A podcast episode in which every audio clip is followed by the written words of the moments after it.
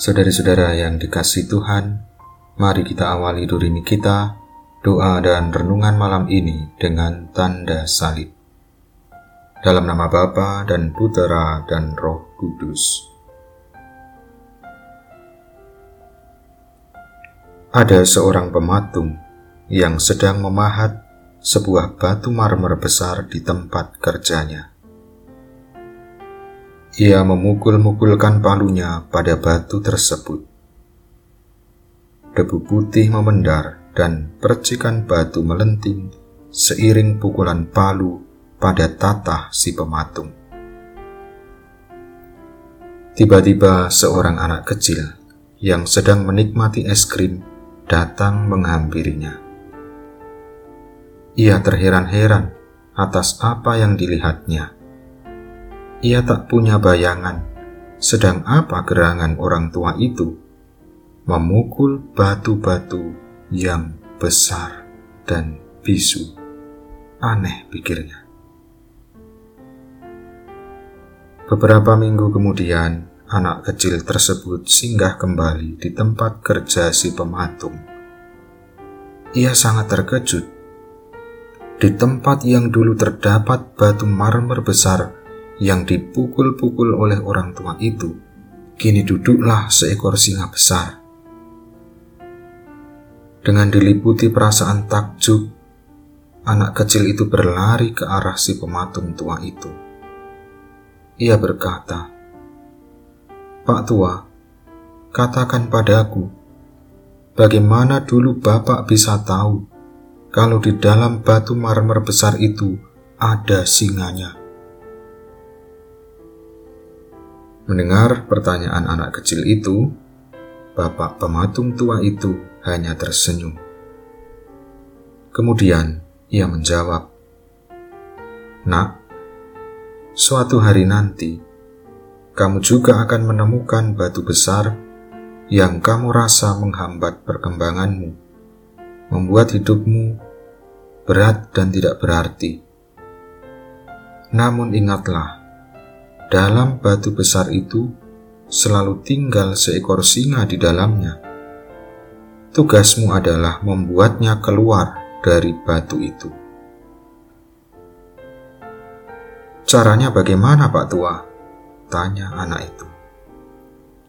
Rombaklah batu-batu itu. Demikian nasihat Pak Tua. Saudara-saudara yang dikasih Tuhan, dalam hidup Kadangkala kita menerima hal-hal yang nampaknya menjadi beban begitu saja dalam hidup kita. Sesuatu yang tidak terlalu berarti, sesuatu yang mungkin berat dan mengganggu. Tetapi kerap kali di situlah ada potensi-potensi keindahan. Di situlah ada nilai-nilai hidup yang tersembunyi Bagaimana kita bisa menemukannya? Rupanya diperlukan pula usaha. Ibarat batu besar yang tak berbentuk, tetapi dengan usaha, dengan kerja keras dan ketekunan, kemudian menjadi patung yang indah. Demikian pula lah ketika di dalam hidup kita menjumpai sesuatu yang tampaknya tak berguna yang tampaknya tak berharga, yang tampaknya justru memberatkan hidup kita.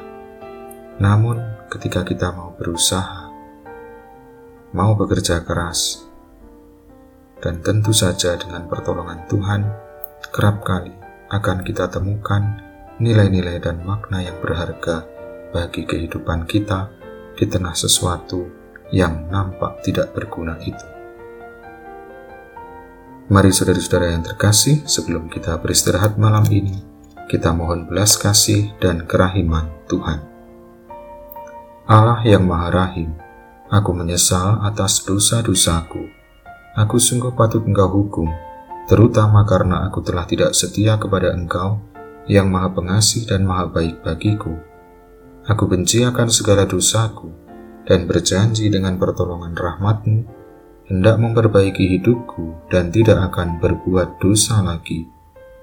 Allah yang maha murah, ampunilah aku orang berdosa ini. Salam Maria, penuh rahmat Tuhan sertamu. Terpujilah engkau di antara wanita, dan terpujilah buah tubuhmu Yesus. Santa Maria Bunda Allah, doakanlah kami yang berdosa ini, sekarang dan waktu kami mati. Dan semoga istirahat kita malam ini senantiasa dilindungi dan diberkati oleh Allah yang Maha Kuasa, Bapa dan Putera dan Roh Kudus.